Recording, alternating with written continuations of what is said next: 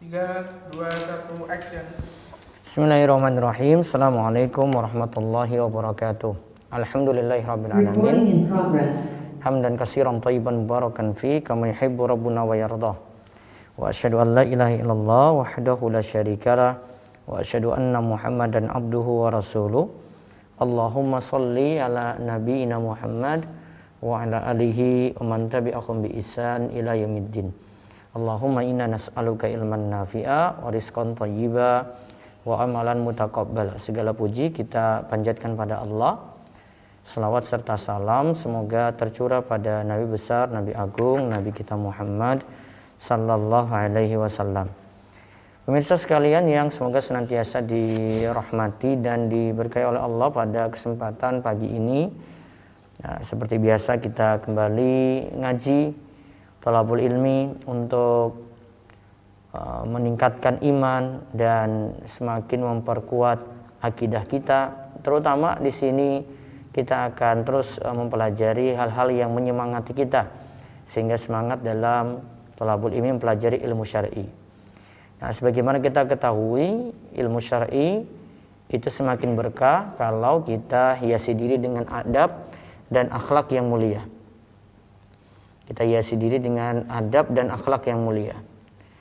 Tanpa adab dan akhlak ya, kita tidak mendapatkan keberkahan dari ilmu walaupun kita sudah lama ngaji eh, kita sudah terus belajar gitu ilmu jadi berkah ya ketika kita memperhatikan adab dengan baik inilah yang dikatakan oleh para ulama sebelumnya eh, ta'allamil adaba qabla an tata'allama ilma pelajarilah adab sebelum engkau itu mempelajari ilmu. Ta'allamil adaba qabla an tata'allamal ilma. Ada di halaman 69. Pelajarilah adab sebelum engkau mempelajari ilmu. Maka awalnya kita melihat bagaimanakah adab kita terhadap guru.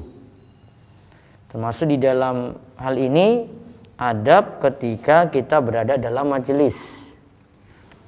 Adab terhadap guru di sini meliputi belajar dengan guru langsung tidak hanya sekadar membaca buku. Yang kedua, menghormati guru. Ya, kita hendaklah menghormati guru. Menghormati di sini dengan cara di antaranya memanggil. Memanggil dengan panggil, panggilan yang santun, ya dengan gelarnya yaitu ustadz atau kiai atau guru ya, tanpa menyebut nama, apalagi memanggil nama langsung. Terus yang ketiga, mengingatkan guru ketika salah dengan cara yang santun.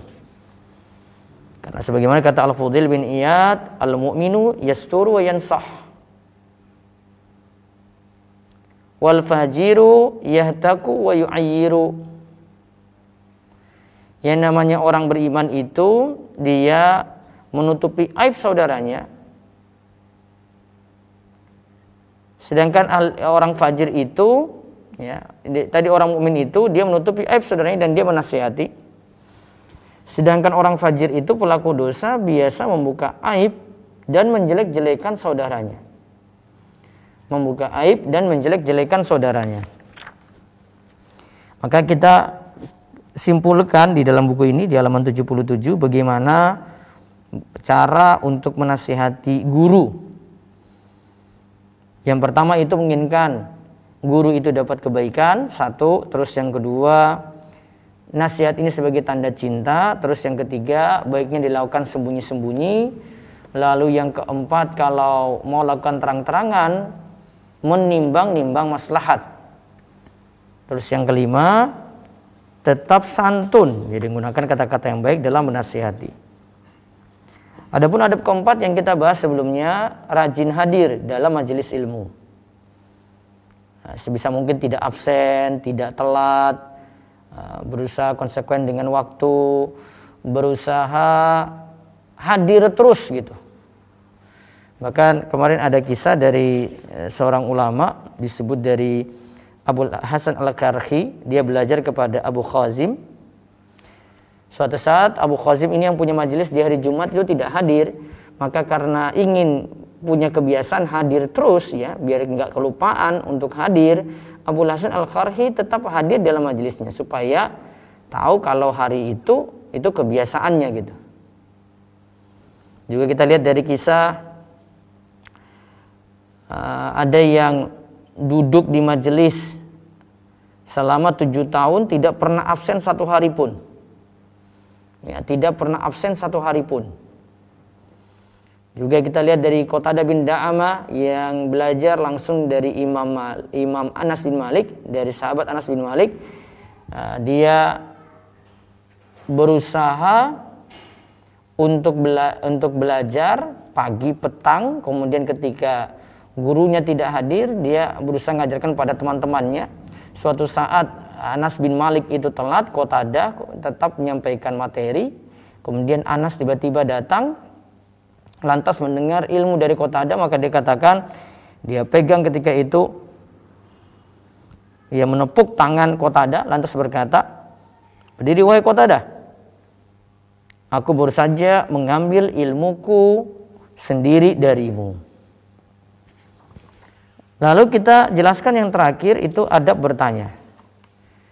Ada bertanya itu pertama maksudnya untuk bertanya bukan mendebat.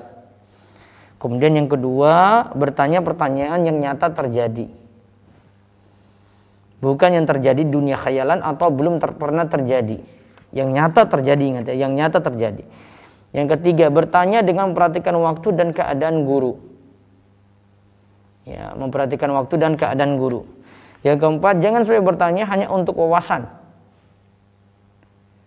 Bertanya itu untuk diamalkan.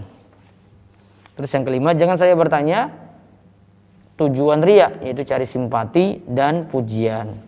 Nah, tersisa dua, kita lihat untuk kesempatan pagi ini ya bagi yang mau bertanya silakan juga siap-siap untuk bertanya karena materinya tidak banyak untuk hari ini. Nah, bisa di kolom chat Zoom, bisa di resen juga mau bertanya umum tidak masalah. Begitu pula yang di YouTube monggo jika ada yang ingin ditanyakan silakan tulis di kolom komentar. Baik, kita sisa dua.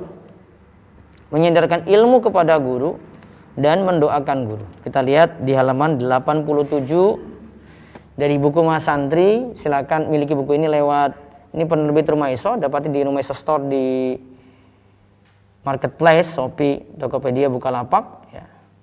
Kemudian bisa juga di ruwaifi.store websitenya ada reseller dan agen kami yang ada di tiap kota atau langsung ke nomor HP 0852 222. Terus kita lihat halaman 87. Menyandarkan ilmu kepada guru Ya. Di antara adab pada guru dan itu merupakan tanda berkahnya ilmu, hendaklah ilmu tersebut disandarkan pada guru jika kita memperoleh suatu pelajaran atau faidah penting darinya. Nah, kalau ada dapat faidah penting, sandarkan pada guru. Ya. Kalau dapat faidah penting, ya, sandarkan kepada guru. Nah, terus kita lihat Abu Ubaidah Abu Ubaidah dalam Al-Ilma li Al-Qadiyat beliau berkata, di antara tanda mensyukuri nikmat ilmu adalah ketika ada sesuatu yang samar dan tak ada keterangan ilmu, ketika itu lantas ada yang memberikan pencerahan, maka kita katakan bahwa kita telah mendapatkan faidah dari si fulan. Itulah tanda mensyukuri ilmu. Nah, tanda mensyukuri ilmu, kita sandarkan ilmu itu kepada yang uh, kita ambil darinya. Jadi kalau ini misalnya dari tulisan, kita sebutkan tulisan ini dari siapa kalau ini uh, dari ucapan ya sebutkan saja ini saya pernah dengar langsung dari guru ini. Kalau ini dari kesimpulan saat kajian ya kita simpulkan sendiri ya ini kesimpulan saya dari mendengar kajian ini ini ini pelajaran yang saya perlu dari ini ini, ini gitu. Ini sebagai tanda mensyukuri nikmat ilmu. Ini sebagai tanda mensyukuri nikmat ilmu. Kita lihat lagi pernyataan dari Imam Nawawi Asy-Syafi'i rahimahullah dalam Bustanul Arifin. Imam Nawawi rahimahullah berkata, di antara bentuk berbuat baik yaitu menyandarkan suatu faidah ilmu kepada orang yang pertama kali mengatakannya. Siapa yang melakukan seperti itu, maka berkahlah ilmu dan keadaannya. Siapa yang keadaannya sebaliknya, maka ilmu dan keadaannya tidaklah dikaruniai keberkahan. Kebiasaan para ulama mereka selalu menyandarkan ilmu kepada siapa yang mengatakannya. Moga Allah beri taufik kepada kita untuk terus bisa menerapkannya. Nah, lihat sini ya. Ini berkah ilmu. Kalau ingin ilmu itu berkah, ada faedah ilmu, ya sandarkan kepada orang yang pertama kali mengatakan. Kalau ada faedah ilmu, sandarkan kepada orang yang pertama kali mengatakan. Siapa yang eh, kita dengar ini si uh, guru fulan ini yang berkata, kita sebutkan itu. Oh, saya dapat dari uh, kajian ini dari guru saya itu ini. Atau saya dengar dari kajian online seperti ini. Oh, saya dengar dari rekaman kajian seperti ini. Ada siapa yang pertama kali ucapkan, sandarkan situ. Ini berkahnya ilmu. Jika sebaliknya maka ilmu dan keadaannya tidaklah dikaruniai keberkahan. Karena orang nyangka, wah ini perkataan dia sendiri ini bagus sekali itu ya. Nah kebiasaan para ulama, mereka selalu menyandarkan ilmu kepada siapa yang mengatakannya. Ingat ya kebiasaan para ulama, mereka biasa menyandarkan ilmu kepada siapa yang mengatakannya. Terus ada yang pernah mengatakan pada Abu Bakar Al-Maruzi, ada yang pernah mengatakan pada Abu Bakar Al-Maruzi bahwa ilmu yang diperoleh ini telah disebarkan atas nama Abu Bakar Al-Maruzi.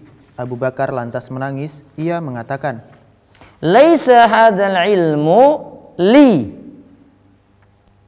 wa innama hadza ilmu Ahmad bin Hambal." Ilmu tersebut bukan dariku.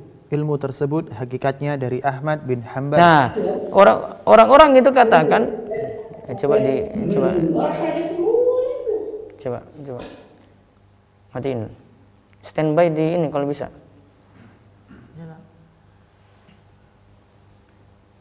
ada yang pernah mengatakan pada Abu Bakar Al-Maruzi ya.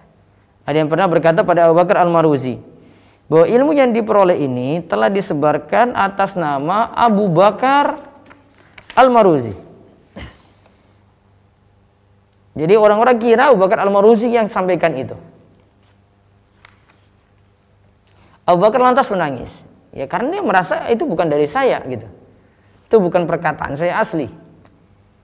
Nah, lantas dia mengatakan ilmu ini laisa hadzal ilmu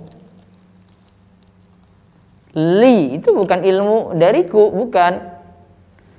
Wa inna ma ilmu Ahmad bin Hambal. Itu dari Ahmad bin Hambal. Ini contoh menyandarkan pada orang yang pertama kali ucapkan. Kalau memang Abu Bakar Al-Maruzi tadi dia dengar dari Imam Ahmad, ya maka maka katakan itu dari Imam Ahmad bin Hambal. Nah, terus Ibnu Taimiyah pun menyontohkan demikian. Ia pernah berkata dalam kitab Ar-Rad ala Al-Bakri. Di kedua halaman 590, wa hadzal ma'na katsiran ma kuntu askuruhu lin-nasi walam a'lam ahadan qalahu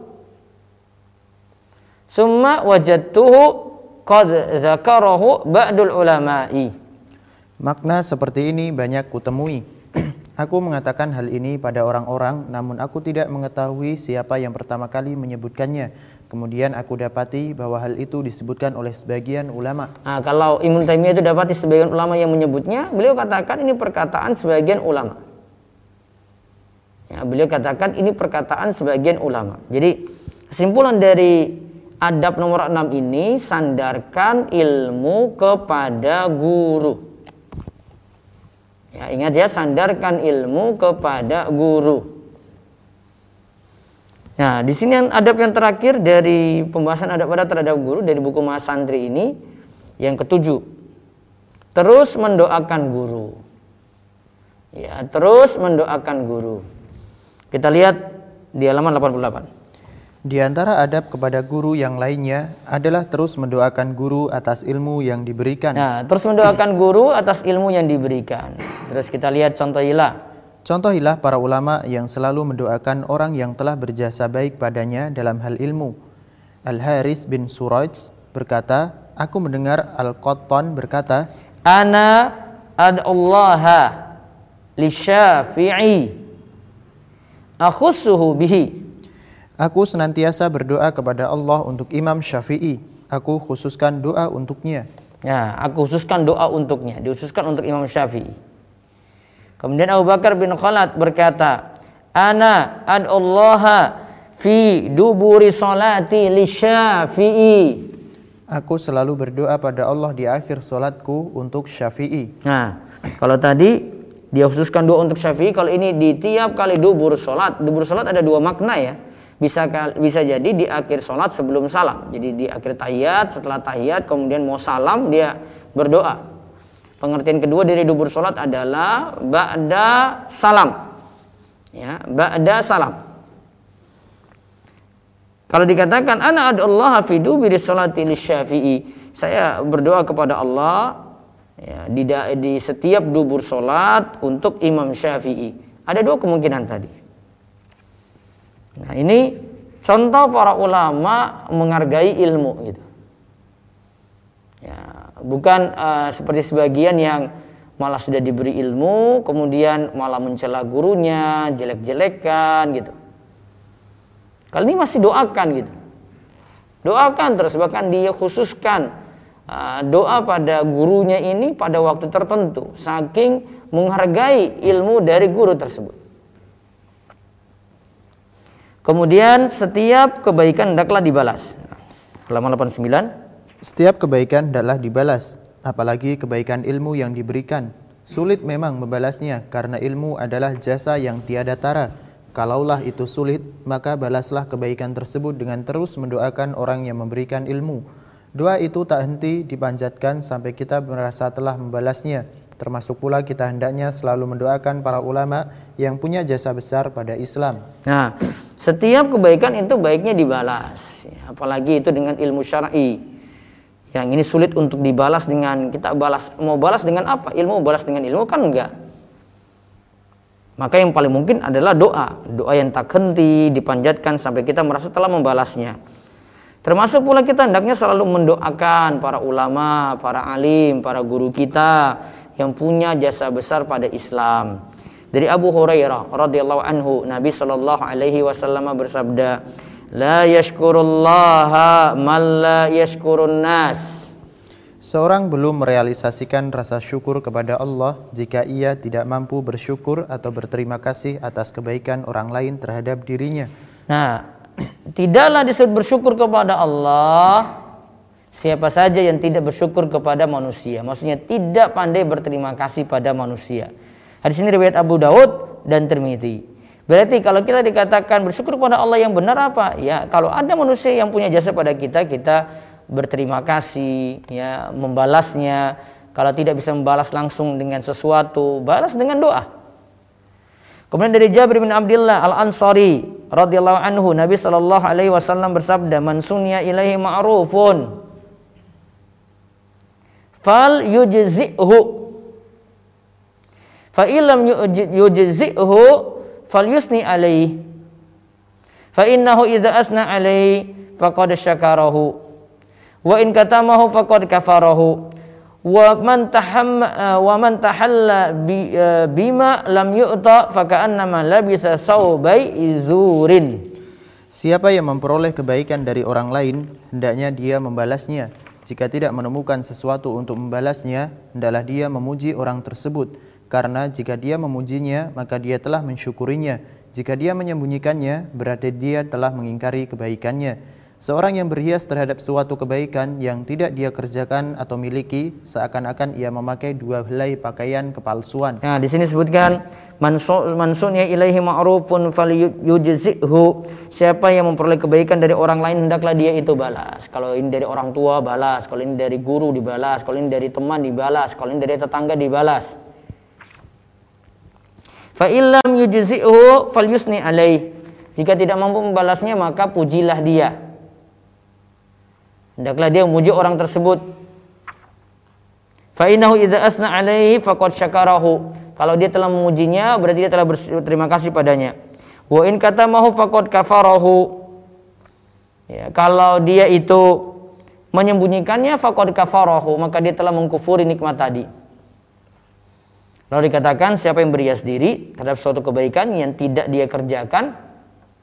Jadi ini bukan kelakuan dia, tidak dia kerjakan atau tidak dia miliki, seakan-akan orang nilai itu dia yang melakukan, maka hati-hati kalau dia merasa bahwasanya itu adalah jasanya dia, seakan-akan ia memakai dua helai pakaian kepalsuan. So, baik zurin.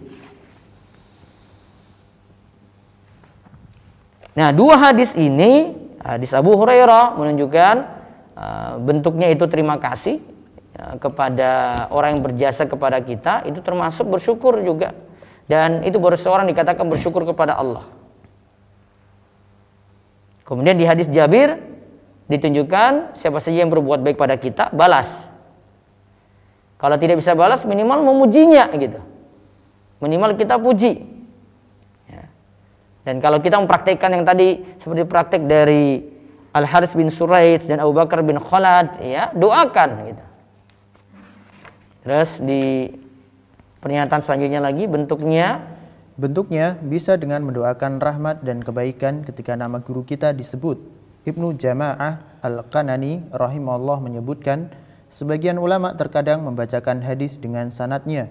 Mereka lalu mendoakan setiap rawi dalam sanat tersebut Itulah bentuk kekhususan karena telah diberikan anugerah ilmu yang luar biasa. Nah, bentuknya di sini dengan doa rahmat dan doa kebaikan kepada guru-guru kita. Semoga Allah rahmati dia, semoga Allah berikan kebaikan kepadamu, semoga Allah berikan kebaikan kepada dia gitu. Ibnu Jamal Kanani ini ceritakan nih, setiap uh, hadis itu dibacakan kan ada sanat.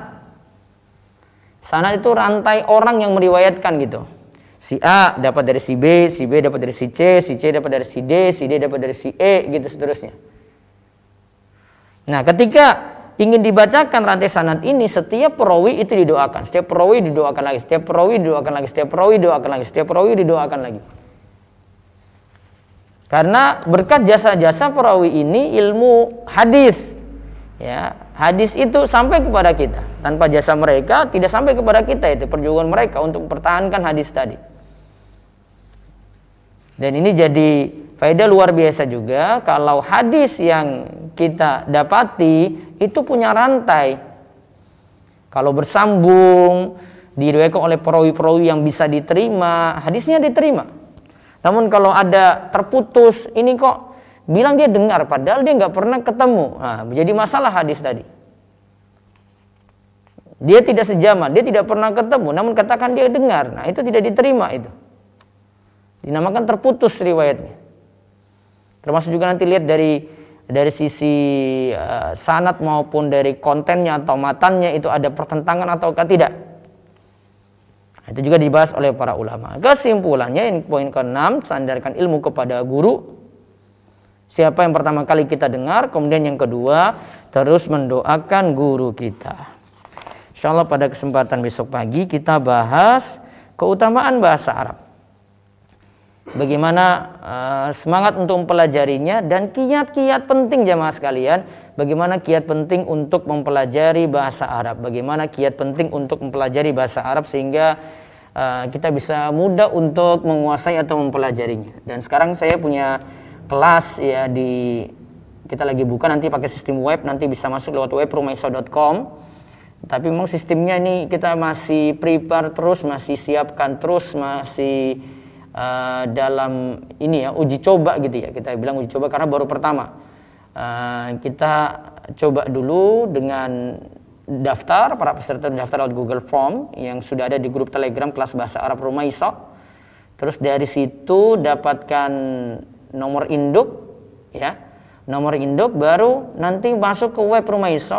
Ada di situ di bagian atas itu ada akademi masuk dengan sign up dulu daftar lagi dengan menggunakan uh, nomor induk tadi baru kemudian masuk uh, baru sign in nanti bisa ikuti pelajaran. Gratis dan pelajarannya nanti saya bagi yang masih awam sekali belum pernah belajar saya pandu nanti di telegram di channel telegram eh, kelas bahasa Arab Rumaiso setiap pagi habis ini jam setengah tujuh ya saya pandu dulu sampai nanti kelas ini jalan pandu mungkin sekitar seminggu atau dua minggu ya, belajar dulu kosakata kosakata kosakata sampai nanti mulai familiar baru kita masuk nanti kaidah-kaidah bahasa Arab. Nanti ikuti saja ya, maka bergabung ada infonya di kelas bahasa Arab Rumah Iso ya info-info semua tercantum di situ.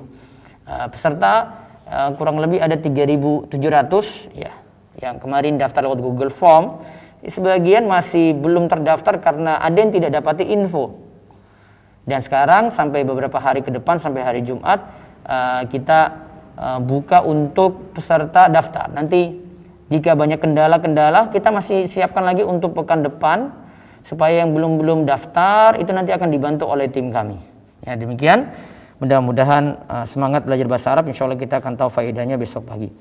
Baik, saya baca dulu di YouTube. Ini ada beberapa pertanyaan tadi yang masuk lebih dahulu di jam 5.32. Um, Ustadz prioritas dalam pelajari ilmu agama itu apa saja? Yang jelas kita pelajari akidah dulu ya. Akidah itu pokok. Kalau akidah ini membangun iman. Jadi bukan dari bukan dari uh, menguatkan hafalan dulu di situ. Hafalan bisa menyusul ketika iman sudah bagus gitu ya. Jadi akidah diperkuat dulu, baru kemudian ilmu masuk, Al-Quran masuk, dan ilmu-ilmu yang kita butuhkan setiap waktu. Ada istilah dari Imam Az-Zarnuji, beliau katakan ilmu yang wajib itu apa? Ilmu hal. Ilmu hal itu adalah ilmu yang dibutuhkan oleh kita saat ini. Itu ilmu yang hukumnya fardu ain kita akan butuh dikuatkan iman kan? Nah, berarti hal-hal terkait dengan iman kita pelajari. Kita butuh juga untuk menguasai ibadah. Ibadah yang kita jalani tiap hari apa? Sholat. Oh berarti saya disuruh pelajari sholat dulu. Nah, sholat itu harus kuasai. Sholat dari mana? Uh, untuk bisa sholat itu sah? Oh dari wudhu dulu karena sholat harus dengan wudhu bersuci. Wah berarti pelajari bersucinya tadi dulu. Wudhunya gimana? Tayamumnya gimana? Mandinya seperti apa Nah, baru kemudian masuk ke masalah ibadah tadi. Yang lainnya yang tidak dibutuhkan setiap waktu tadi tidak sampai fardu ain. Tapi nanti ada profesi tertentu karena profesi tertentu karena kebutuhan tertentu jadi wajib. Misalnya ya, seorang pedagang dia mau berdagang dia harus kuasai ilmu perdagangan. Hal-hal terkait dengan hukum jual beli ini boleh tidak, ini haram tidak, saya ikut ini boleh tidak. Oh ini ada MLM ini, ini saya boleh ambil tidak gitu. Oh ini ada riba nih, saya boleh terjang atau tidak? Ya. Ada orang mau nikah, dia mau bina keluarga, bina rumah tangga, ya dia harus persiapan untuk ilmu itu. Wajib bagi dia. Nanti ada satu buku baru saya, Menjemput Jodoh Impian. Nah itu bisa uh, jadi buku panduan mau menikah. Bahkan itu bukan hanya mau sampai menikah aja ya, Nanti membina rumah tangga gimana, mengatasi masalah perceraian gimana, tis rumah tangga bahagia juga bagaimana. Baik, wallahu alam biswab. Baik, saya uh, tadi yang dari YouTube ini yang terkait dulu, terus bisa yang di uh, chat Zoom monggo bisa baca satu dulu, silakan. Baik Ustaz, Anda bacakan pertanyaan lewat chat terlebih dahulu. Bismillah, Assalamualaikum Ustadz. Afwan izin bertanya di luar tema.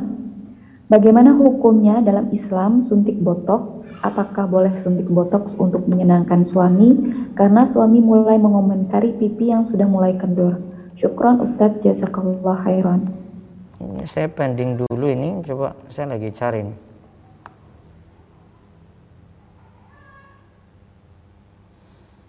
Ini perawatan ini ya perawatan wajah menghilangkan kerutan yang muncul pada kulit. Selama tujuannya bukan berhias diri di luar untuk suami saja berarti kalau misalnya dia cadaran ya aman-aman saja ya berarti ya. Dan tidak ada mudarat apa-apa monggo silakan. Selama tidak ada masalah apa-apa silakan ya. Seperti botox ini ada beberapa penjelasan cara kerjanya. Ya ini tujuannya berhias diri nih yang sini Selama berhias diri ini bukan untuk di luar rumah, misalnya untuk suaminya, monggo-monggo saja. Wallahu a'lam. Baik, bisa selanjutnya lagi lewat chat, monggo. Baik Ustadz, Anda bacakan pertanyaan selanjutnya. Uh, mohon maaf izin bertanya di luar tema Ustadz. Ya. Saya pernah mendengar hadis bahwa tidak ada sholat ketika sudah dihidangkan makanan. Yeah. Lalu yang ingin saya tanyakan, apakah saya berdosa Ustadz ketika saya lebih mendahulukan sholat terlebih dahulu daripada makan? Karena kebiasaan di kantor makan siang sudah dihidangkan tepat waktu uh, dengan waktu sholat. Selain itu juga untuk yang menjadi alasan saya memilih makan terlebih dahulu karena tidak ingin mengganggu giliran sholat teman-teman saya karena harus menunggu uh, saya sholat qobliyah, ba'diyah, dan zuhur. Yang Apakah saya berdosa Ustaz? Yang tanya akhwat apa ikhwan um? Yang tanya akhwat apa ikhwan? Sepertinya akhwat Ustaz. Nah, kalau akhwat tidak terlalu prioritas untuk ini ya, untuk kejar jamaah ya. Kalau ikhwan dirinci nanti ya. Yang pertama kalau memang butuh makan. Ini sudah lapar sekali nih kalau nggak makan nggak konsen dia. Maka dahulukan makan dulu agar bisa fokus, bisa khusyuk dalam sholat. Tetapi kalau uh, dia dalam keadaan masih bisa nahan lapar, bukan keadaan darurat untuk makan, ya, maka silakan sholat dulu. Insya Allah dia masih bisa fokus. Nah kalau untuk akhwat dia tidak pakai prioritas ini karena akhwat tidak disuruh berjamaah gitu. Kalau laki-laki kalau pakai pendapat um, terserah dia pakai pendapat fardu ain untuk sholat berjamaah atau fardu kifayah ataupun uh, sunnah muakkad ya, walaupun dikatakan itu sunnah muakkad kalau menurut dalam mazhab Syafi'i juga uh, Imam Syafi'i itu katakan fala urakhis fi tarkiha illa min udhrin aku tidak beri keringanan untuk meninggalkan sholat berjamaah kecuali karena ada uzur maka harus pandang uzur dulu di sini. Uzurnya apa? Ya, kalau masih kenyang, ya kan bukan uzur untuk makan. Kecuali kalau lapar sekali, nggak bisa fokus untuk sholat, ya sudah didahulukan makan. Baik bisa yang resign, monggo. Silakan Ibu Mutia. Uh, Bismillahirrahmanirrahim. Uh, Assalamualaikum warahmatullahi wabarakatuh, Ustadz. Ya, Waalaikumsalam warahmatullahi wabarakatuh. Uh, begini Ustadz, uh, sebelumnya Uh, saya pernah uh, bertanya ke Ustadz tentang uh, mencari psikolog begitu dan Ustadz uh, telah menasihatkan untuk mencari uh, psikolog dengan uh, apa yang punya pendekatan Islam seperti itu Ustadz. Uh, Alhamdulillah uh, saat ini saya sudah uh, uh, menemukan psikolog yang insya Allah agama dan akhlaknya baik Ustadz uh, dan saat ini sudah berjalan proses terapinya. Uh, hanya saja di dalam proses terapi itu uh, saya diarahkan uh, untuk menceritakan hal-hal uh, tertentu. Uh, apakah dengan menceritakan hal tersebut uh, itu sama seperti saya membongkar aib saya sendiri, Ustadz, dan juga membongkar aib keluarga karena uh, ada kaitannya juga dengan keluarga. Kalau diperlukan nggak apa-apa. Oh baik Ustadz. Uh, iya. Uh, kemudian Ustadz uh, boleh saya menanyakan uh, pertanyaan kedua? Iya silakan.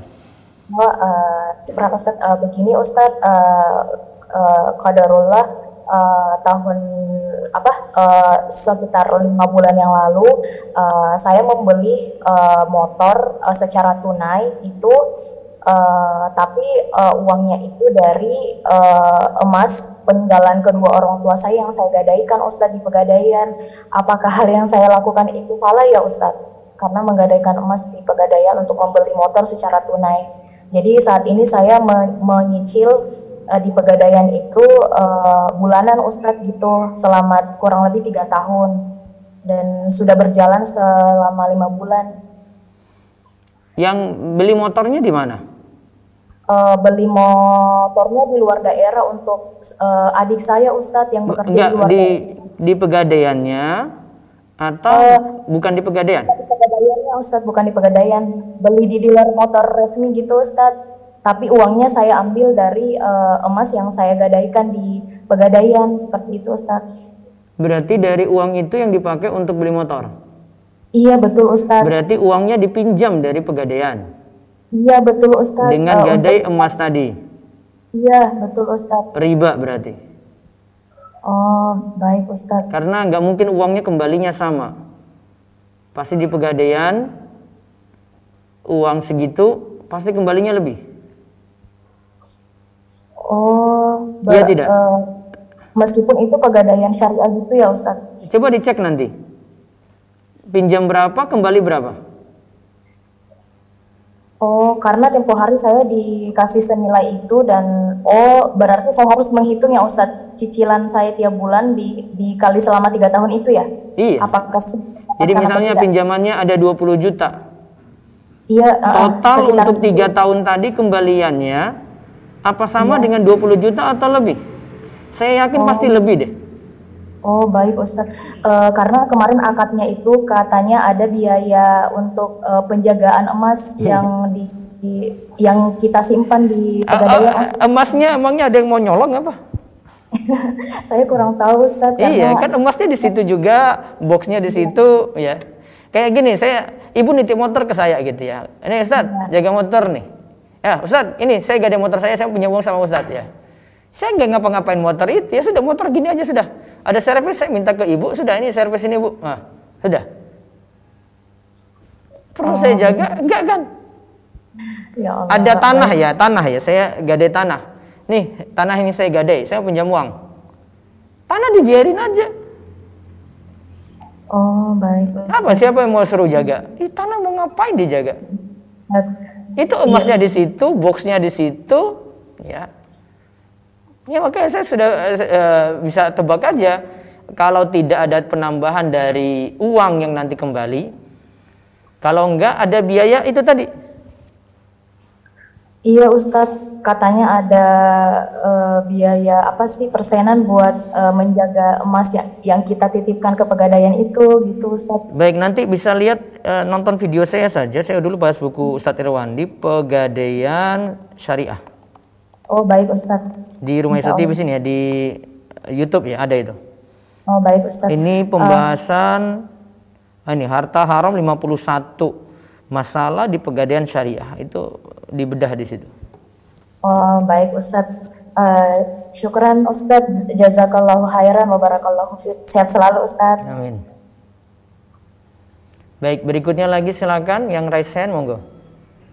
Silakan kepada Umu saya. Silakan kepada Umu Sabita.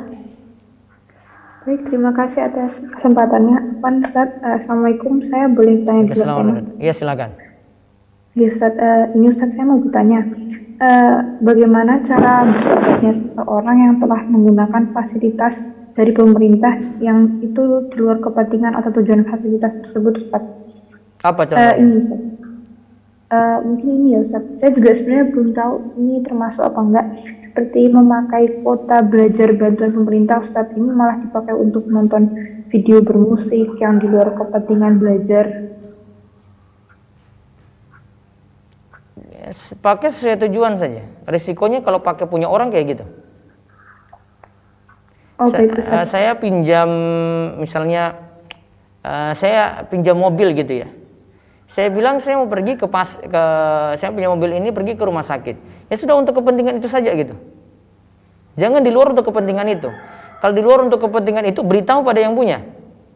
Nah ini masalahnya kalau dengan pemerintah mau beritahu bagaimana? Wong pe- pemerintah sudah batasin.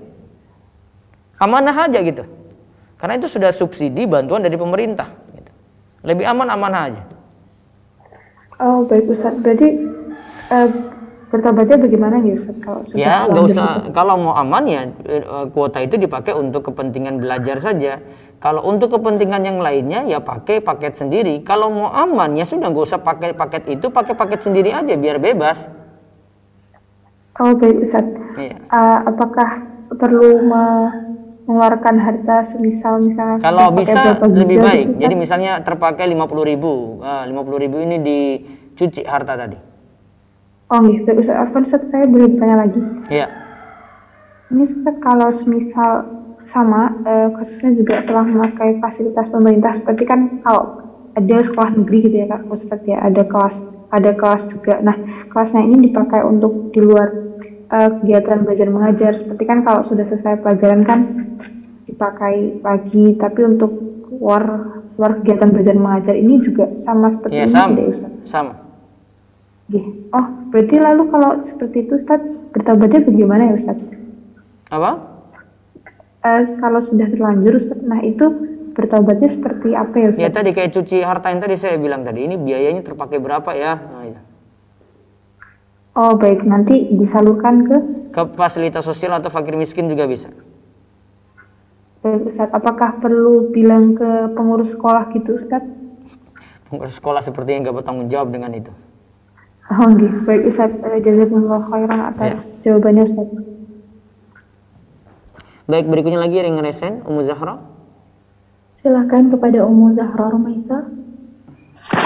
Bismillah. Assalamualaikum Ustaz. Waalaikumsalam warahmatullahi wabarakatuh. Uh, mau nanya soal ulang tahun guru Ustaz. Uh, ini kan saya udah udah nggak nggak nggak mau berhubungan sama ulang tahun ulang tahun yang sama keluarga saya, anak-anak gitu suami. Nah ini kalau misalnya uh, ibu-ibu sekelas anak saya itu pengen merayakan gitu ngasih kue, ngasih kado, itu gimana ya Ustaz ya? Ng- Ngasih ke Padahal- siapa itu, Bu? Ngasih ke siapa? Ke gurunya wali kelasnya anak saya ya Ustadz. Jadi kebetulan gurunya ini sebelahan rumahnya sama saya. Nah, waktu itu sih memang kebetulan Kodarullah saya lagi nggak enak badan, nggak jadi nggak datang. Eh, kebe- kalaupun memang terulang lagi nanti jadi wali kelas anak saya yang kedua ini takutnya bakalan seperti itu lagi karena sudah tur- setiap tahunnya seperti itu memberikan kado ulang tahun untuk gurunya wali kelasnya gitu Ustadz. Gimana ya Ustadz baiknya? Kalau tidak paskan dengan momen itu untuk hadiah boleh-boleh saja. Namun kalau dipaskan dengan momen itu jadi masalah. Iya Ustadz, jadi wa- wali muridnya itu rata-rata masih belum paham memang. Jadi mereka pada saat hari ulang tahun gurunya langsung memberikan kado sama kue ulang tahun gitu Ustadz. Nanti urunan ya. Iya, urunan kalau enggak pakai uang kas Ustadz. Uang kas kelas. Ya baiknya ya kata saya tadi, ya, kecuali kalau terpaksa ya karena itu harus bareng-bareng ya itu keadaan berbeda ya. Saya bahas secara umum dulu. Oh iya. Ustadz. Jadi lebih baik dihindari. Iya. Eh, satu lagi Ustaz di luar tema Eh, ini masalah sholat Eh, untuk apa mengangkat tangan ketika dari mau sujud dan sudah sujud kan tidak mengangkat tangan nih Ustaz. Kalau misalnya eh, lupa mengangkat tangan setelah tahiyatul awal batal atau Tidak. Itu perkara sunnah bu. Perkara sunnah tidak ada konsekuensi untuk batal nggak ada kalau perkara sunnah ditinggalkan. Eh, jadi perlu sujud sahwi nggak ya? Tidak. Karena tidak. Oh baik.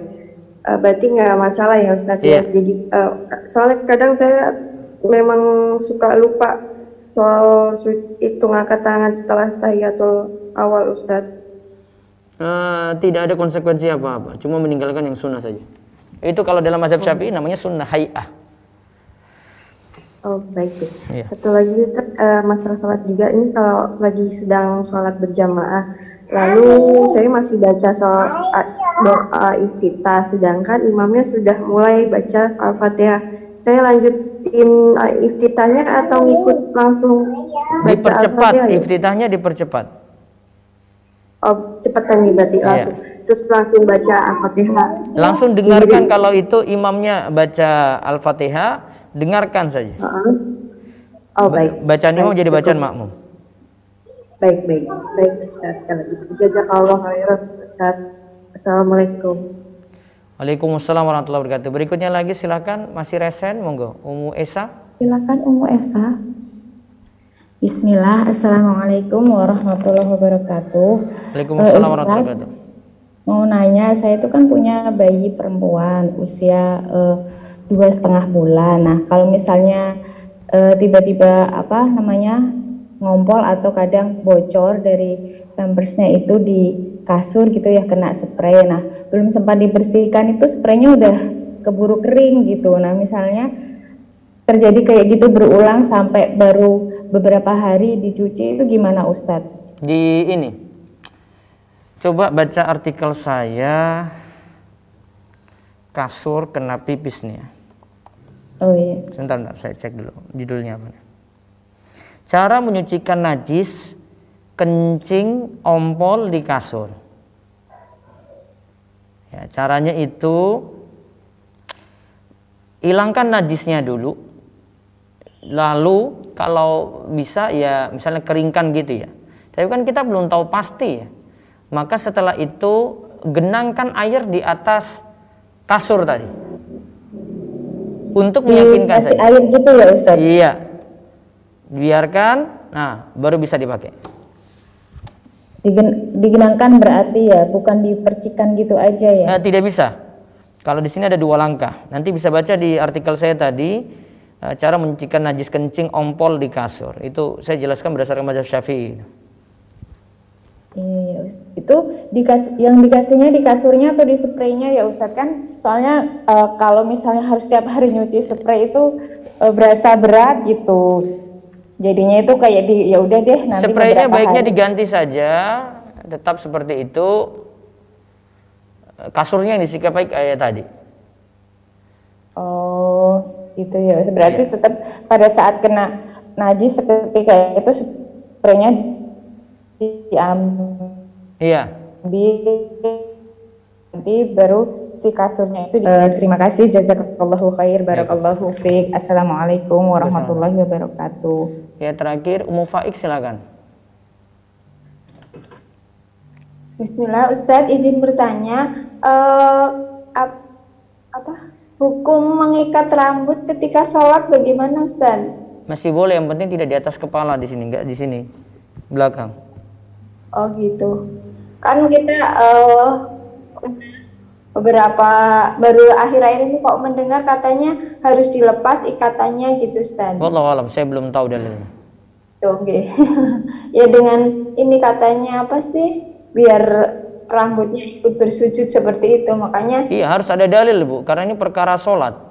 ya, Kalau Iya, tidak iya. ada dalil, ya ini asalnya masih boleh. Sampai Oh, iya. ibu pastikan dalilnya atau kalau ibu tahu dalilnya sampaikan ke saya saja. Ini saya perbaiki jawaban saya ini.